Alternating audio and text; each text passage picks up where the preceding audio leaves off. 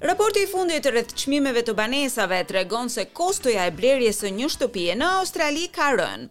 Por shifrat e fundit janë pak ngushëlluese për ata persona të cilët marrin me qira Ose që e gjejnë veten të pastrehë.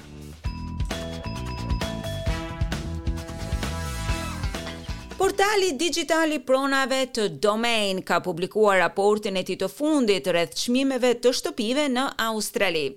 Sipas këtij raporti, kostoja e blerjes së një shtëpie ra me katër pikë nëntë për qind në tremujorin e fundit, gjë që rezulton të jetë në nivelin pesëdhjetë e tre mijë dollarë. Por shefja e hulumtimeve dhe ekonomisë në Domain, doktoresha Nicola Powell, thotë se çmimet janë akoma më të larta se sa përpara se të prekeshim nga Covid nëntëmbëdhjetë, çmimi mesatar i shtëpive është ende në një pikë zero dy milionë dollarë. Prices are falling and they have fallen rapidly over the September quarter.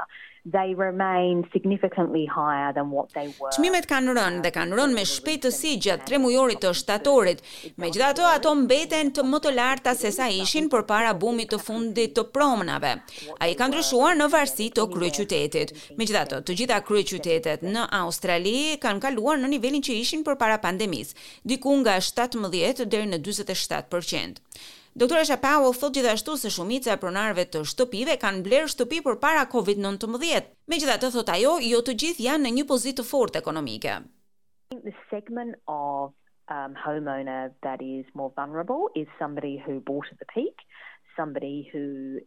Mendoj se segmenti i pronarëve të shtëpive që është tani më i prekshëm, është ai segment ku personat kanë blerë në kulmin e çmimeve. Dikush që ka marrë më tepër se sa mund të parashikonte për sa i përket aftësive financiare. Janë pronarë shtëpish tani që nuk janë në gjendje të paguajnë kredinë e që janë të detyruar të shesin. Këta persona janë në kategori rreziku sepse kanë humbur dhe kanë kaluar në kapital negativ, thotë ajo. E ndërkohë doktoresha Powell thotë se nuk është gjë e keqe, të paktën për ata persona të cilët shesin shtëpinë, sepse nëse kanë dëshirë të blejnë diçka tjetër, atëherë diferenca nuk do të jetë shumë e madhe. Megjithatë, raporti është shumë shqetësues për sa i përket personave që duan të marrin shtëpi me qira. Drejtori i Hulumtimeve Ekonomike, Cameron Kusher,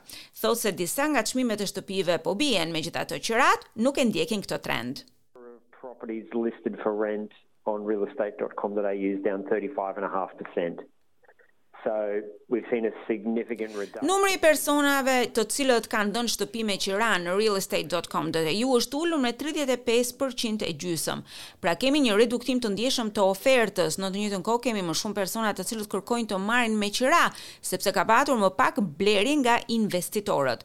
Kemi parë gjithashtu edhe një rënie të madhe gjatë vitit të fundit në lidhje me huamarrjen e kredive për shtëpitë. Në terma praktike, kjo do të thotë se ka më shumë persona të cilët janë kapur në mes, pra ata ose paguajnë më shumë se sa duhet ose nuk janë në gjendje që të shesin shtëpinë me çmimin me të cilin e kishin blerë më parë. Por gjithashtu ka edhe persona të cilët të largohen nga dhuna në familje, këta persona janë në pozitë shumë të vështirë.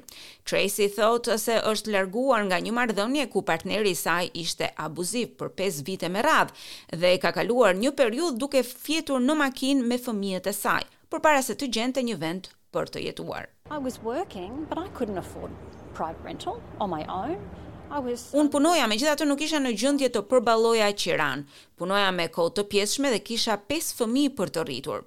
Buxheti i ri i qeverisë federale përfshin 30.000 banesa të reja sociale si pjesë e një fondi të strehimit australian prej 10 miliardë dollarësh. Aleanca Australiane për t'i dhënë fund të pastrehëve thotë se mezi pret të punojë për këtë plan. Drejtori i saj David Pearson thotë se eliminimi i të pastrehëve duhet të jetë qëllimi kryesor i qeverisë.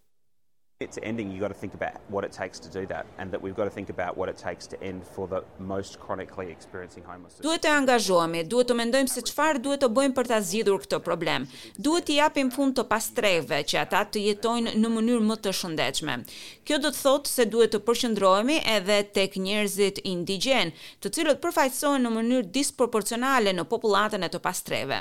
Ky duhet të jetë standardi në Australi. Të gjithë të pastrehët duhet të kenë mundësi strehimi, qoftë për periudha të shkurtra apo edhe për periudha të gjata, thotë ai.